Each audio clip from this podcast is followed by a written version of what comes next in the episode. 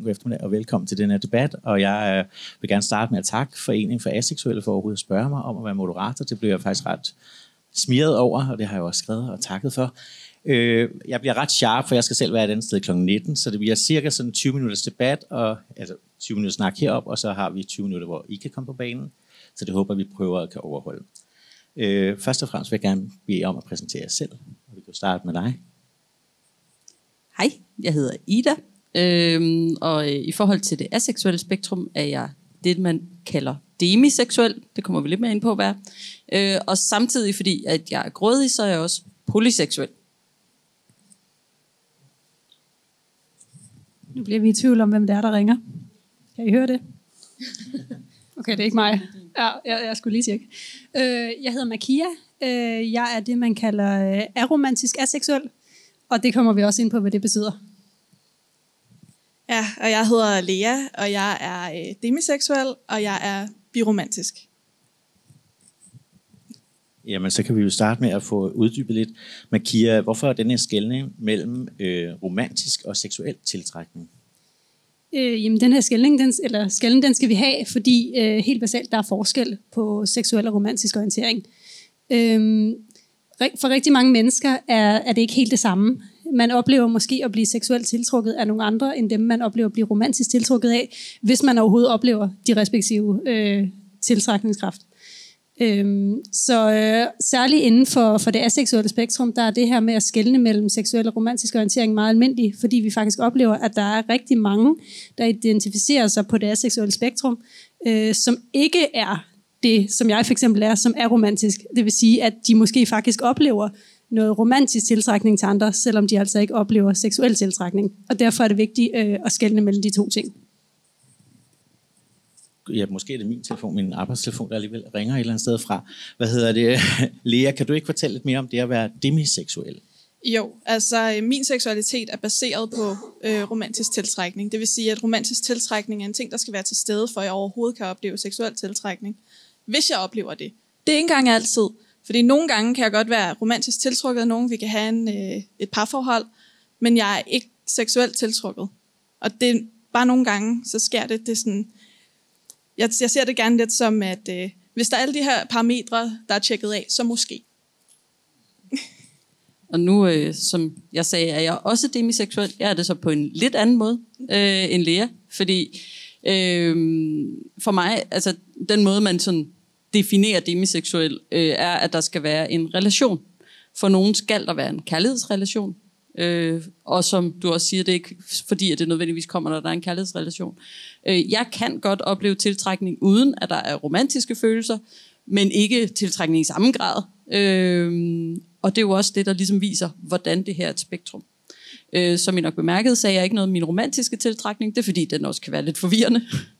øh, det tyder på, at jeg er demiromantisk. Det er ufattelig sjældent, at jeg har følelser for nogen.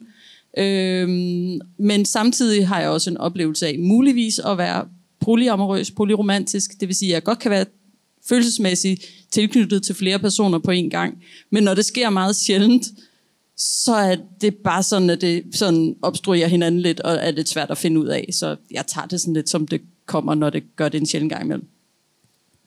Og for at lige gøre os lidt klogere, hvordan finder man, så, hvordan finder man ud af, at man er demiseksuel?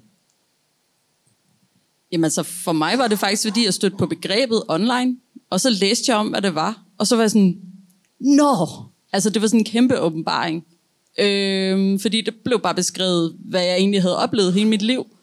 Øhm, og vi lever i det her samfund, som er meget fokuseret på sex, og på at være seksuel, og være tiltrukket, og alt muligt. Øhm, og, og jeg har ligesom bare aldrig rigtig følt det. Altså det der med one night stands, mm, nej, gider egentlig ikke. Øhm, det interesserer mig ikke. Øhm, og, og, og, og det er ligesom at læse om det her og se, hov, der er nogen, der faktisk beskriver fuldstændig, hvordan jeg har det, og der er et ord for det. Og så kunne jeg jo via det ord søge flere ressourcer og se, det er rigtigt nok, den er god nok. Altså det her, det, det beskriver faktisk i, i meget høj grad, hvordan jeg har det. Og så har jeg jo siden brugt ordet tit. Sådan, jeg dropper det så tit jeg kan. Og en stort set hver gang er der nogen, der har siger, Gud, jeg slog det op, og det er jo sådan, jeg har det. Hvad? Hvad? Vil du sige lidt mere om det? Øhm, altså, Eller, man får ofte den der med, at er det ikke meget normalt? Altså er det ikke sådan, alle har det?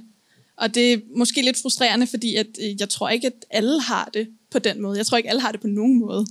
Øh, men selv hvis vi tager majoriteten, så tror jeg stadigvæk ikke, at majoriteten har det sådan, at de skal absolut være romantisk tiltrukket og have en, have en romantisk, øh, et, et romantisk parforhold for overhovedet at kunne måske føle seksuel tiltrækning. Det tror jeg ikke er sådan helt standard, fordi jeg har bare ikke... Man kan godt for eksempel være æstetisk tiltrukket af nogen, synes, den person er mega smuk, uden at tænke, kunne godt.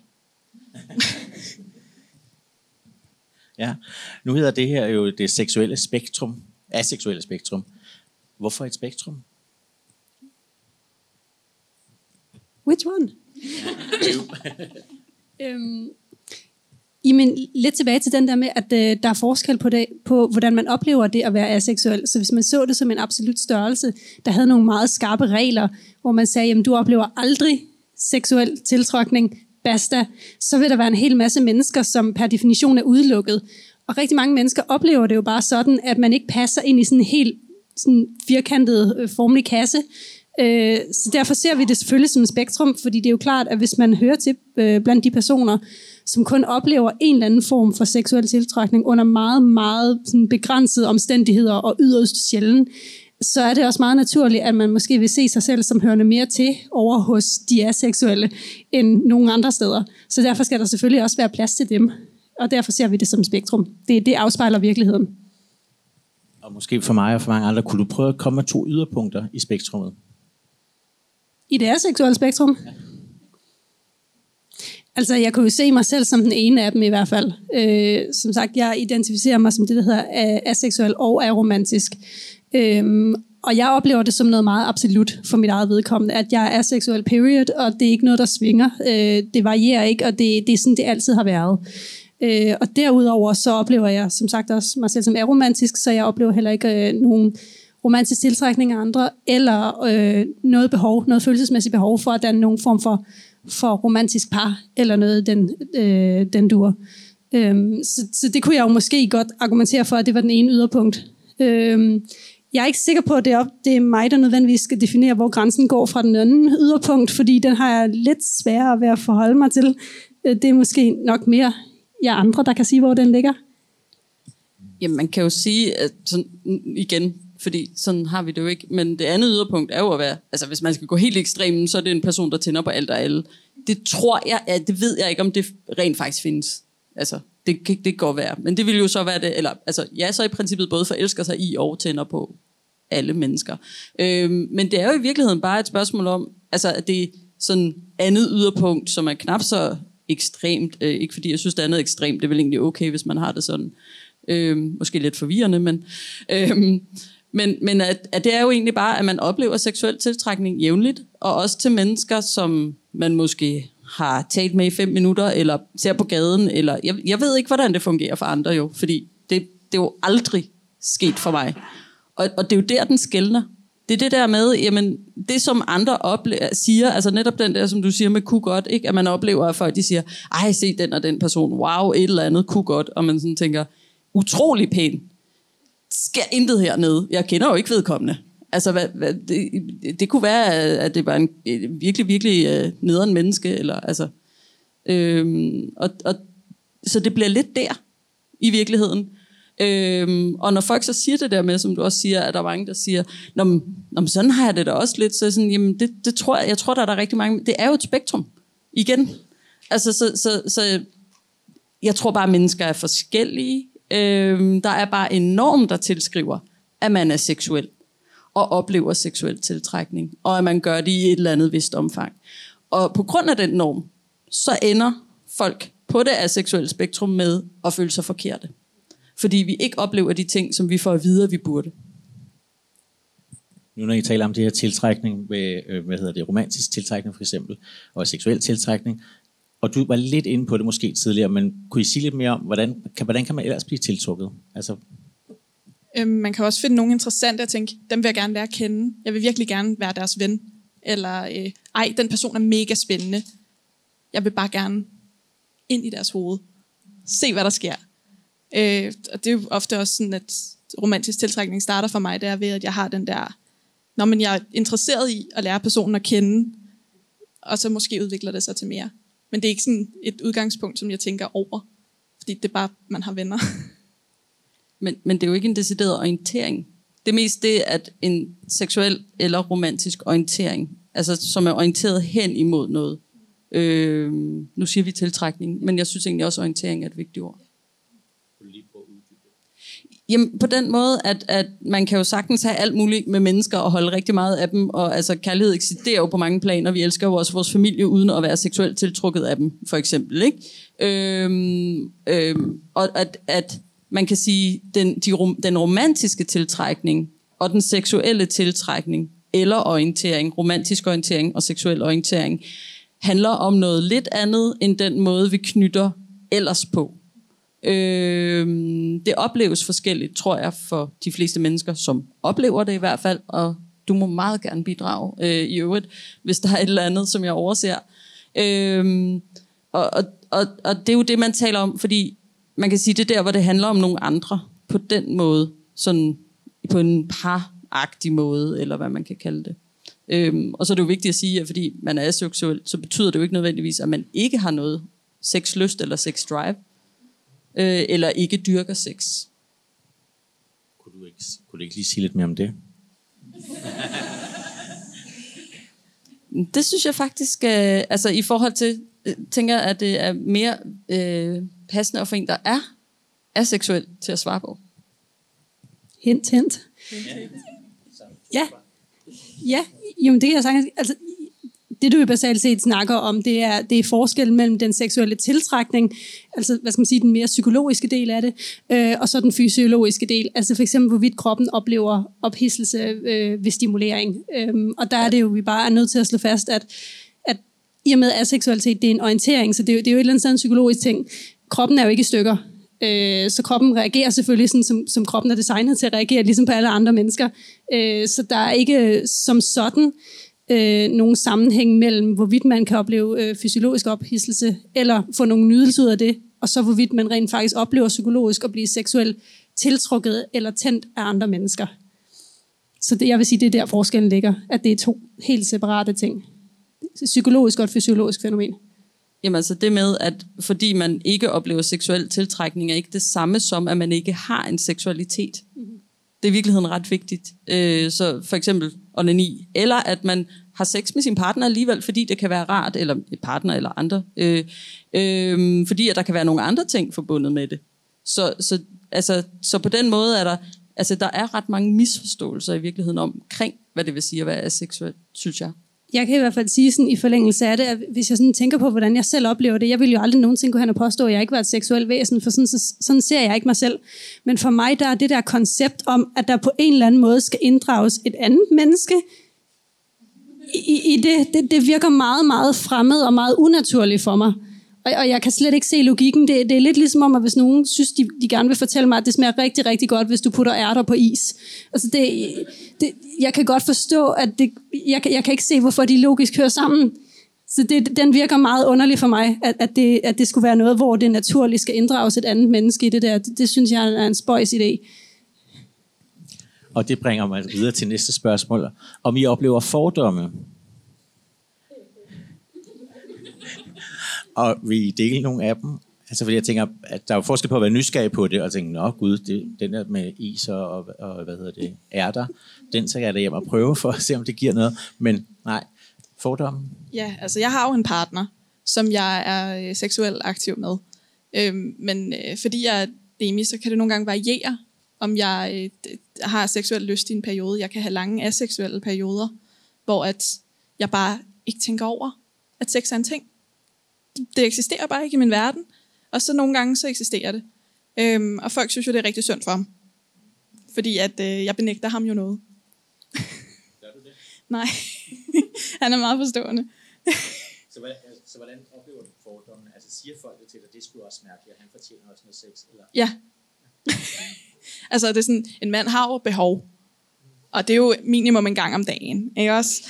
Og man tænker bare, ej, hvor har jeg bare andre ting at bruge min tid på. Altså. øhm, jeg synes også, man meget, altså som demiseksuel møder den fordom, at folk netop, som du sagde, det der med, at det er jo meget normalt, eller Eller også den der sådan, øhm, når, man, er det så ikke bare fordi, at du ligesom sådan er kredsen og vil være bedre end andre, fordi så er du ikke sådan en, som har one night stands. Og jeg er sådan, altså, jeg har nul moral. Altså, omkring sådan noget. Hvis ikke, hvis ikke jeg var, øh, hvis ikke, hvis ikke jeg rent faktisk var demiseksuel, så, så ville jeg da bare knalde med alt, jeg havde lyst til. Og det er jo også, faktisk også det, jeg gør, kan man sige. Det, det er bare utrolig sjældent, jeg har lyst til at knalde med nogen. Øhm, hvis jeg så har en partner, så har jeg et, jeg definerer normalt, men øh, tror jeg et nogenlunde gennemsnitligt øh, sex drive. Så, så hvis der er en, der inspirerer mig, er det jo lidt noget andet. At jeg sådan, at når jeg oplever den tiltrækning, så er den der jo. Og så er det ligesom, jeg tror, det er for rigtig mange andre mennesker.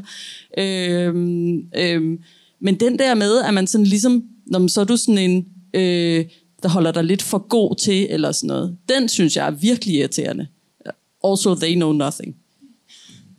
Altså, jeg, vil, jeg, har, jeg har jo lidt andet øh, hvad skal man sige, oplevelse af mange ting, fordi jeg ikke rigtig gør mig i den med parforhold sådan overhovedet, eller seksuelle relationer.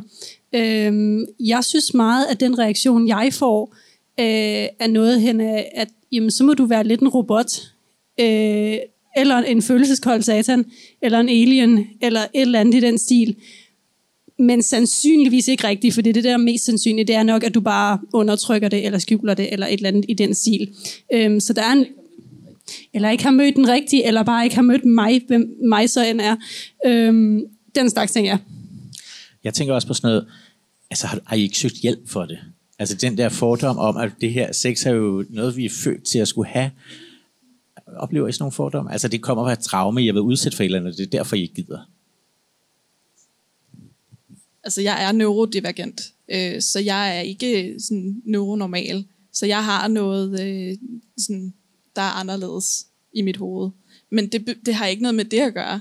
Det har noget med mange andre dele af mit liv at gøre, men ikke øh, min seksualitet. Altså det er jo en udfordring, kan man sige, øhm, at, at for nogle mennesker, hvis de, hvis de så skulle altså være et parforhold, og de har ikke nogen sexlyst, og partneren synes, det er et problem, så kan det være, at de sådan ligesom for øh, husfredets skyld tænker, så må jeg hellere gå i behandling. Øhm, og der har man jo så allerede, kan man sige, ja, sygeliggjort sig selv i et eller andet omfang, ud fra samfundets normer. Og hvis man så kommer til en behandling, det kunne være seksologisk klinik, øh, det er oplagt sted, man kommer hen, hvis der er et eller andet, der ikke kører på det seksuelle for en, øh, som er, øh, hvis man ikke ved det, så er deres formål at behandle i forhold til netop, hvis man har udfordringer på det seksuelle område, så er det et psykiatrisk tilbud, så vidt jeg husker. Øh, og så kan man komme ind, og hvis man så siger, jeg har ikke nogen sexlyst, så kunne det jo være fantastisk, hvis behandleren så sagde, okay, har du nogensinde haft det? Altså har du mistet lyst? Synes du selv, det er et problem? Har det bare aldrig været der? Så nogle spørgsmål. Men det kan jo meget hurtigt komme hen til, det er et problem.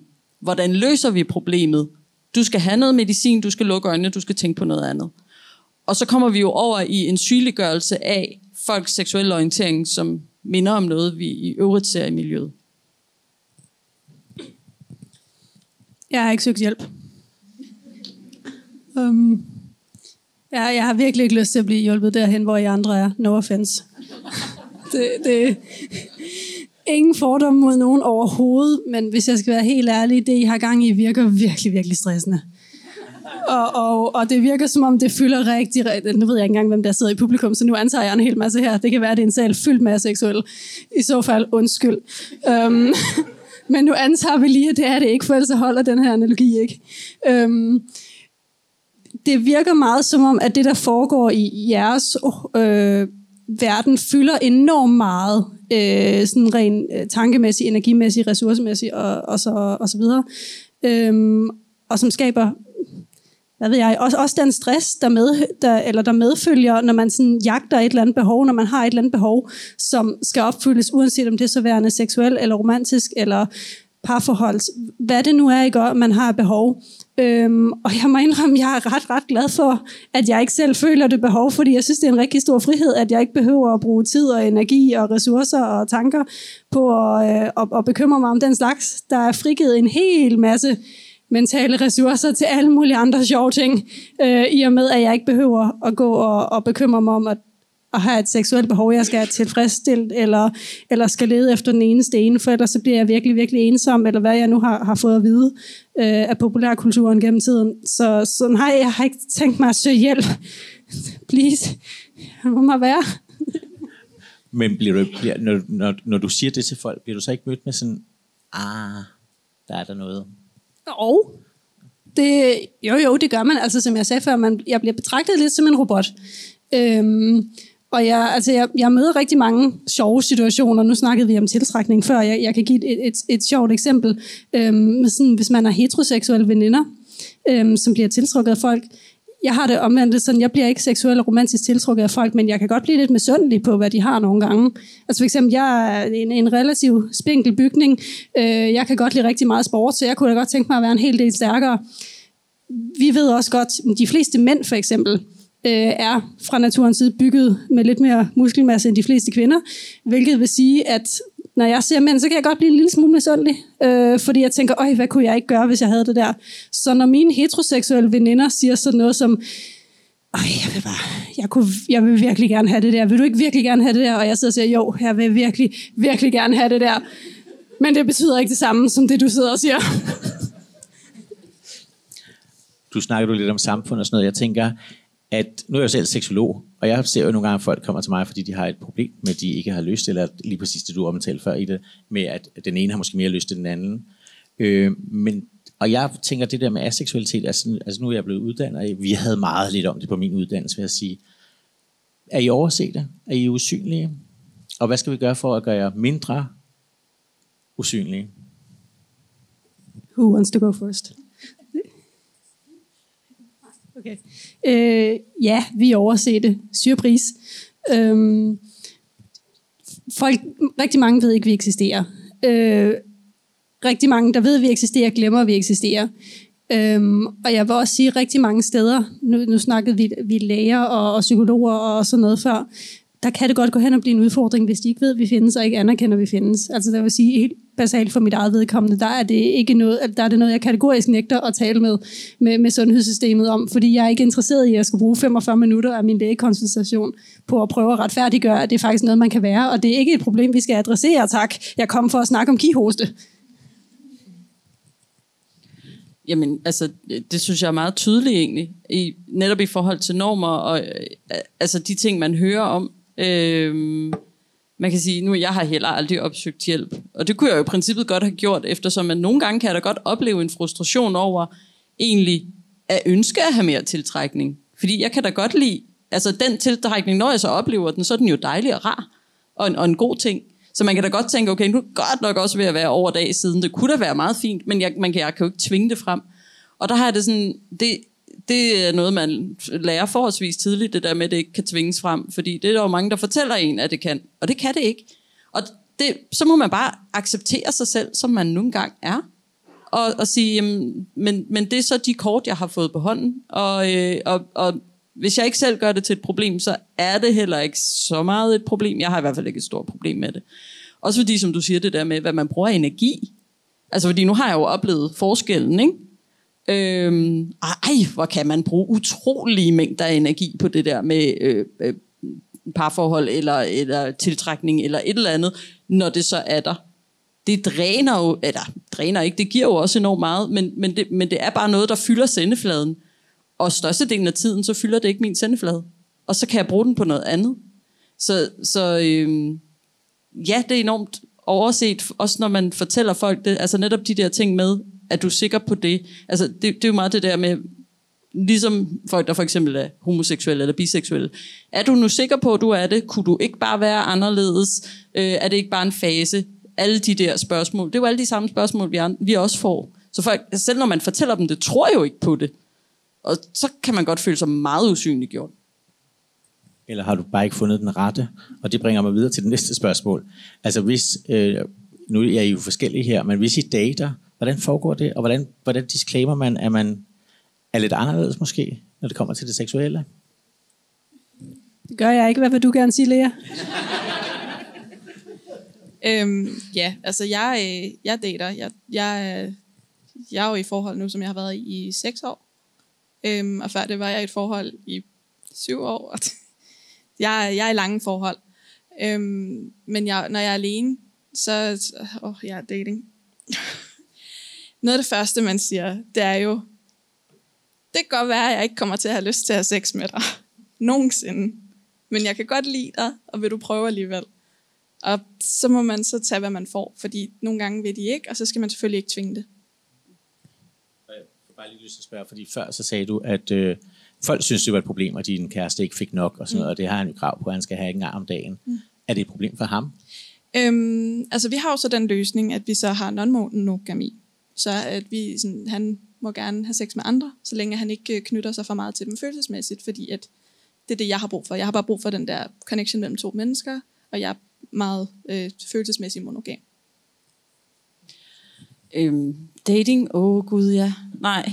Altså, jeg har aldrig nogensinde været på en dating-app, for eksempel.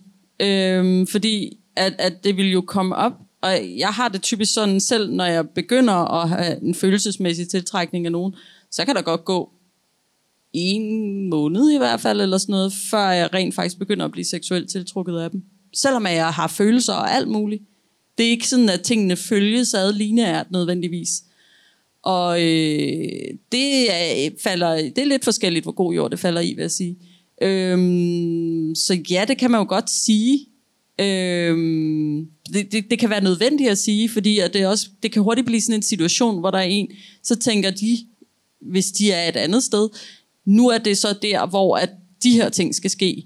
Og så bliver det en afvisning, og det er altså svært for egoet. Øhm, og det kan jeg godt forstå, fordi det er en utrolig sårbar øh, situation, og ligesom begynde at gøre tilnærmelser til andre på den måde. Øhm, så derfor kan det bare være praktisk at sige det, hvis det ikke ligesom får lov at forløbe af sig selv på, øh, på den måde, og så ligesom sige, du skal bare lige vide. Øhm, det, ja, det, er egentlig, det kan egentlig være meget smart, og det, det der er lidt irriterende, men altså, det, det er bedre end den anden situation, hvor det pludselig bliver super akavet. Så er det trods alt mindre akavet at sige, du skal bare vide, jeg kan rigtig godt lide dig, men det der, det kommer altså ikke til at ske lige forløbig. Og så lovede jeg at være mega skarp på tiden, og jeg havde også lovet at starte med at reklamere for, at der var nogle flyers for foreningen for det aseksuelle spektrum. Forening, undskyld. Øh, nu vil jeg gerne åbne op for spørgsmål. Øh, fra salen, så jeg håber på, at I har lyst til at byde ind og spørge om noget. Er, er alle begaberne på plads, for eksempel for alle? Ja. Hvad, hvad kalder man det, når man ikke er aseksuel? Kalder I det selv, eller allo, eller... Altså, jeg kalder det allo, eller øh, bare seksuel. Øhm, jeg vil bare lige forklare, at der er også en øh, position mere, man taler om på det seksuelle spektrum. Øh, det, der kaldes Grey A. Øh, det er personer, som størstedelen af tiden er aseksuelle, og så måske en, måske to gange i løbet af hele deres liv øh, oplever seksuel tiltrækning til et andet menneske. Øh, de gør det rigtig svært for dig, for de har den der eneste ene. Men, øh, men, det, men det, er, det, er også en, det er også en måde, det kan være på for en. Jeg synes, det er sjovt, at altså med, med, med skal man sige, synliggørelsen af det aseksuelle spektrum, at vi er blevet øh, begavet med en masse sprog, som er helt vildt spændende og, og smadrer den her todimensionelle arke fuldkommen. Men så samtidig så synes jeg, at jeg hører lidt bruge aseksualitet som et nulpunkt, men så er der onani, og det synes jeg er mærkeligt, at det er sådan, den, den er eksploderet. Kan der ikke også være et spektrum der i interesse i, hvad skal vi sige, tillade mig at kalde det autoseksualitet. Øhm, og er det ikke også inkluderet et eller andet sted? Og i så fald, er det forskelligt fra aseksualitet?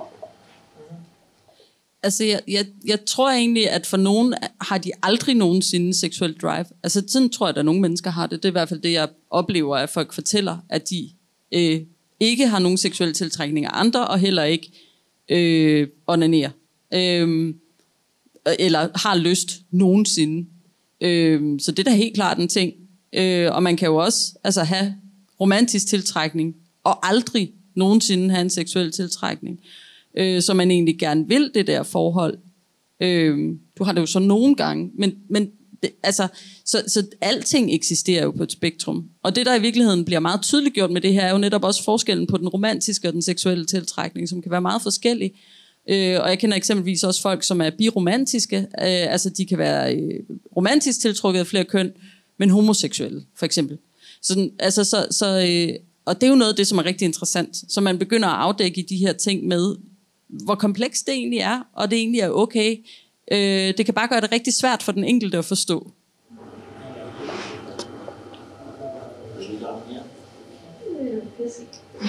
Var det svar? Meget godt, ja tak. Øh, ja. Jeg vil sige, at jeg falder selv på det asexuelle spektrum, og det jeg savner mest er intimitet. Fordi det ofte delegeres kun til romantiske forhold, og man derfor ikke har rum til at finde den ikke-seksuelle intimitet med andre i andre områder. Yes. Hvordan håndterer I det, og hvordan håndterer andre det? synes jeg er en rigtig fed pointe at adressere. Øh, jeg vil sige for mit eget vedkommende, jeg gør det, at jeg knytter rigtig, rigtig stærke venskaber, som fylder enormt meget i mit liv. Så på den måde, så skaber jeg jo altså virkelig tætte relationer til andre mennesker. De bliver bare udfyldt på en måde, der ikke er romantisk eller seksuel. Så jeg synes jo netop, at man ser det der med, at når de seksuelle og romantiske øh, relationer og tiltrækning fylder så meget, så noget så smukt som stærke venskaber og øh, sådan psykologisk, emotionel øh, intimitet, som jeg synes, man jo har i stærke venskaber, særligt hvis det er folk, man har knyttet sig til at kendt gennem mange år, den bliver tit nedprioriteret hos folk, der har undskyld udtrykket, travlt med at opfylde de andre behov. Altså man ser den der, det der klassiske eksempel med, at, at du kan have to rigtig gode venner, som har kendt hinanden i overvis og er rigtig tætte og, og sådan, altså på et psykologisk plan også rigtig intim med hinanden. Og så får den ene en kæreste, og så den der nye person, som ikke har på det tidspunkt haft investeret, kan jeg måske sige, noget i det forhold endnu, fordi det hele er nyt, rykker lige fremad i køen, og vennen, skråstrej veninden, bliver skubbet tilbage, og, og, og altså, der, der kommer lige en anden en fra, side, en, ind fra sidelinjen, som ikke har, ja undskyld udtrykket, gjort sig fortjent til den plads endnu, men bare bliver skubbet foran, fordi det er sådan samfundet ser på parforhold. Jamen hvis det er en, en romantisk skråstreg og eller seksuel partner, så er det vedkommende, der skal have den plads som number one i, i den her persons liv. Og så alle de mennesker, der har, der har knyttet virkelig tætte bånd til dem, de bliver skubbet lidt i baggrunden. Og fra mit synspunkt synes jeg, det er enormt synd. Øhm, jeg accepterer selvfølgelig, at, at det er sådan for rigtig mange mennesker, men jeg, jeg vil ikke selv kunne leve på den måde. Og jeg synes også, det går rigtig, rigtig ondt på mig, i det øjeblik, jeg så er den veninde til en person, hvor jeg i den position bliver skubbet i baggrunden for en person, der bare lige kommer ind fra højresvinget og, og bliver placeret lige der. Så det får mig til at spørge om noget helt andet, men alligevel relateret. For man taler så meget om hudsult. Altså det der behov, vi har for menneskelig kontakt, altså berøring og sådan noget. Hvordan, hvordan får man stimuleret det som er seksuelle, og skal man have det stimuleret? Altså berøring. Det tror jeg er meget individuelt. Øhm, jeg er sikker på, at der er rigtig mange mennesker, der har et eller andet form for behov for berøring, og jeg ved også, at jeg, jeg har, kender jo aseksuelle mennesker, som, som sådan nusser og krammer lidt med deres venner og sådan noget. Jeg tror også, der er nogen, der ikke har det i særlig stor grad. Altså, jeg har, jeg, må indrømme, jeg har det selv sådan, at jeg har enormt stort behov for, for psykologisk intimitet og for at knytte tætte bånd og have nogen, der sådan virkelig kan, kan stole på, og nogen, der virkelig kender mig, og hvor vi er virkelig sådan, altså kan connecte. Men det der med at blive rørt ved, er ikke et behov, jeg sådan rigtig oplever. Altså jeg vil sige, jeg har aldrig stået i den der situation, hvor jeg tænkte, jeg kunne virkelig godt bare bruge et knus. Det er sådan, jeg, har da prøvet at være ulykkelig, men et knus kan ikke gøre noget ved det, fordi det er en psykologisk tilstand for mig. Så, så for mig, der betyder den der med, med fysisk kontakt bare ikke rigtig noget. Det, det er ikke et behov, jeg selv har, men jeg tror ikke, det er nødvendigvis er en aseksuel ting, fordi jeg som sagt kender rigtig mange, der ikke har det sådan. Ja, så jeg vil sige, i forhold til både dit spørgsmål og dit, altså, jeg har netop det med, at jeg så har venner, som, som altså, jeg har venner, jeg godt kan sidde og bare kramme, eller stå og kramme og holde om hinanden og sådan noget, øhm, uden, altså, uden at der er noget i det andet end venskab. Og jeg, jeg har det i virkeligheden sådan, øh, jeg synes, det er noget af det, som vi kan give tilbage. Det er det der med den dybde og bredde i andre relationer, som netop, som Makia siger, lidt kan gå glippen, når man ligesom jagter den der med partneren og måske børn og hus. Og vi kender det jo alle sammen, det der med vores venner, de får det der liv, og så har de ikke så meget tid, og vi bærer over med det, og vi ved, når børnene bliver lidt store, så begynder de at komme tilbage og har mindre travlt. Men der, men der kan jo være et savn, og så videre. Og, øhm, og, og der tror jeg i virkeligheden, altså det, det synes jeg i hvert fald, i forhold til sådan intimitet og nærvær i alle mulige relationer. Øh, og også at man ikke rangdeler de relationer i samme grad. Og jeg forstår det godt, altså de meget få gange, jeg har været vidderligt forelsket, så forstår jeg jo godt, at det, det er en meget overvældende følelse. Øh, så hvis det er noget, man oplever tit, så kan jeg godt forstå, at det kommer til at fylde enormt meget, eller tit, defineret tit, men altså... Øh, Øh, så det har man jo forståelse for, alle har den der med, om nu er de lige blevet kærester, så går der tre måneder, hvor man ikke ser dem, så kommer der lidt ro på det, og så begynder man at se folk igen. Altså det er ligesom om, vi har bare sådan nogle regler for det her, hvor alt andet bliver skubbet i baggrunden. Og det synes jeg i virkeligheden er enormt synd.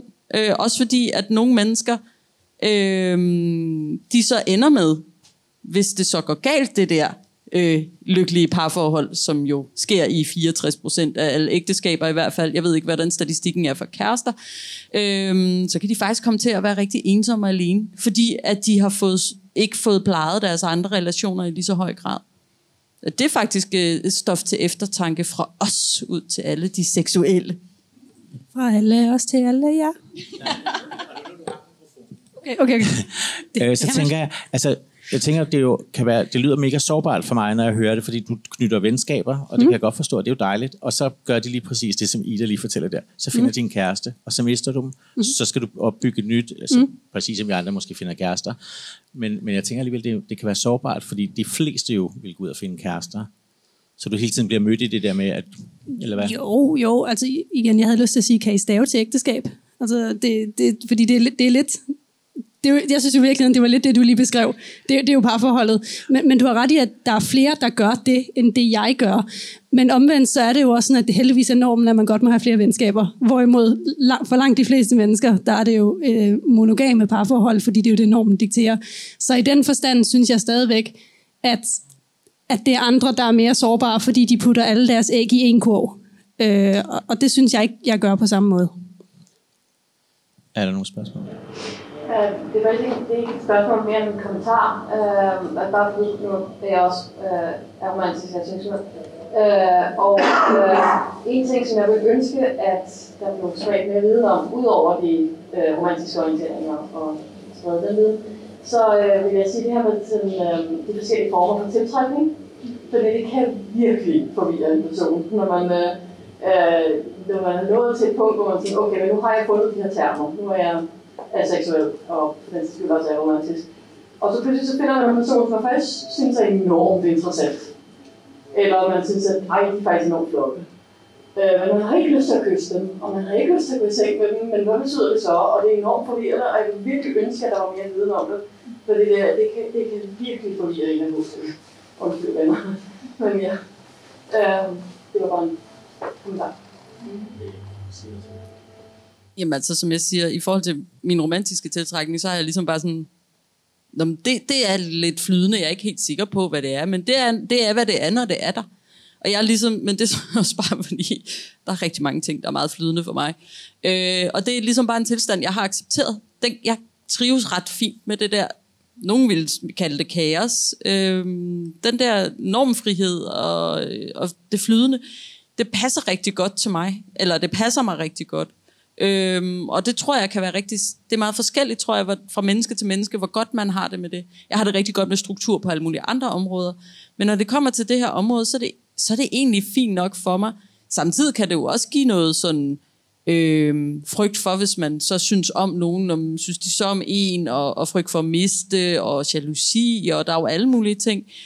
Men negative følelser eksisterer jo også bare for at fortælle, give en en eller anden besked, og så kan man jo kigge på, hvad det er for nogen. Det er jo ikke sådan, at når nu er alt dårligt, fordi jeg fik den her, altså jalousi er en forfærdelig følelse. Jeg har heldigvis følt det meget få gange i mit liv.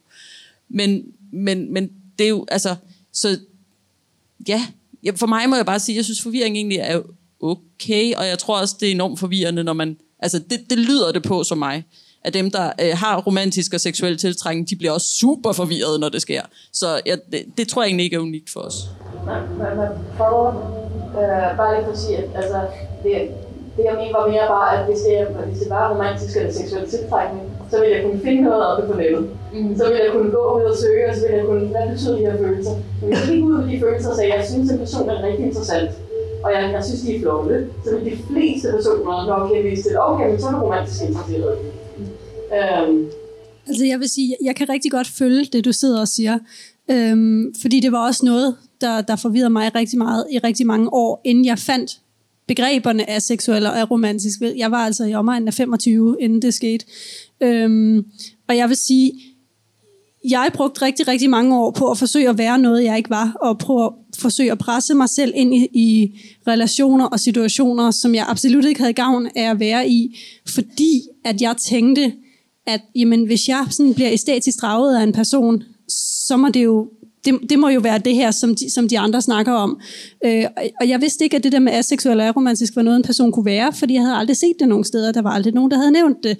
Øh, jeg havde til nød hørt termen aseksuel og troede, det betød noget helt andet. Øh, og det betød, at jeg gik ud fra, at jeg per default måtte være heteroseksuel. Øh, og det betyder, at så skal man føle, føler man noget tiltrækning. Så hvis jeg oplevede nogen, øh, som jeg synes var æstetisk tiltrækkende, eller, eller noget i den stil, så brugte jeg ligesom det til et klyve, til at presse mig selv ud i situationer, som jeg ikke kunne forstå. Jeg synes, det var så hammerende ubehageligt og unaturligt for mig at være i. Øh, så jeg kunne godt have ønsket, at der var mere info let tilgængelig, og med stor fed streg under let, fordi jeg skulle gerne kunne, kunne støde ind i det, uden at vide, hvad jeg rent faktisk søger efter, og at jeg overhovedet søger efter noget. For ellers så får man ikke øh, de svar, man har brug for, fordi det kunne da have sparet mig for en hel masse kvaler, hvis det havde været sådan. Øh, og det er også i virkeligheden en af grundene til, at jeg sidder her i dag, for at prøve at hjælpe med at få den information ud, sådan så andre, der eventuelt måtte sidde med sådan nogle tanker eller oplevelser, kan få noget afklaring, og ikke skal igennem det samme. Ja, for det er også svært at google noget, man ikke ved, man er. Faktisk, ikke? Basalt set. Så, og vi er sådan set nået dertil. Er der et enkelt sidste spørgsmål for ellers? Ja. Ved man noget omkring uh, mænd og når Jeg spørger, fordi at, at at i forhold til sex, så er mandens rolle en meget aktiv og præsterende rolle. Og jeg tænker noget omkring tabu med ikke at kunne præstere, eller ikke at have lyst til at præstere. Kender I nogen mænd?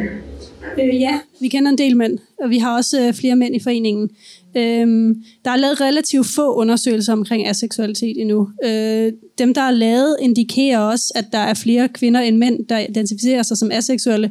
Men som du også selv påpeger, så er der også noget, der hedder meget stærke samfundsnormer og kønsnormer, som, som dikterer noget omkring, hvad en mand skal være. Og det ligger noget i omkring, du ved, seksuel udfarende og den, den dominerende part osv. osv., der gør, at selvom vi ikke på nuværende tidspunkt kan bevise det, øh, har vi jo en tese om, at grunden til, at der er færre mænd, der identificerer sig som aseksuelle, nok har mere at gøre med, at de her øh, kønsnormer afholder dem fra at, og sådan, hvad skal man sige, komme ud, eller bare overhovedet komme til de konklusioner, end det er tilfældet for kvinder.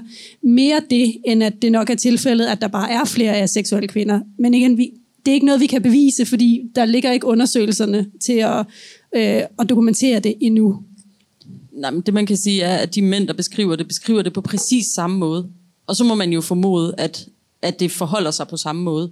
Øh, så, så dem, der ligesom er nået til den konklusion, beskriver præcis det samme, som kvinder og andre køn gør.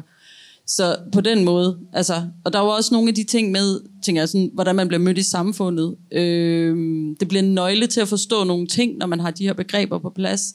Øh, blandt andet sådan noget som, og det er der rigtig mange, der ikke synes er rart, men at blive seksualiseret. Men der er jo altså nogen, der synes, det er rart at blive seksualiseret. Jeg har altid afskyet det som pesten.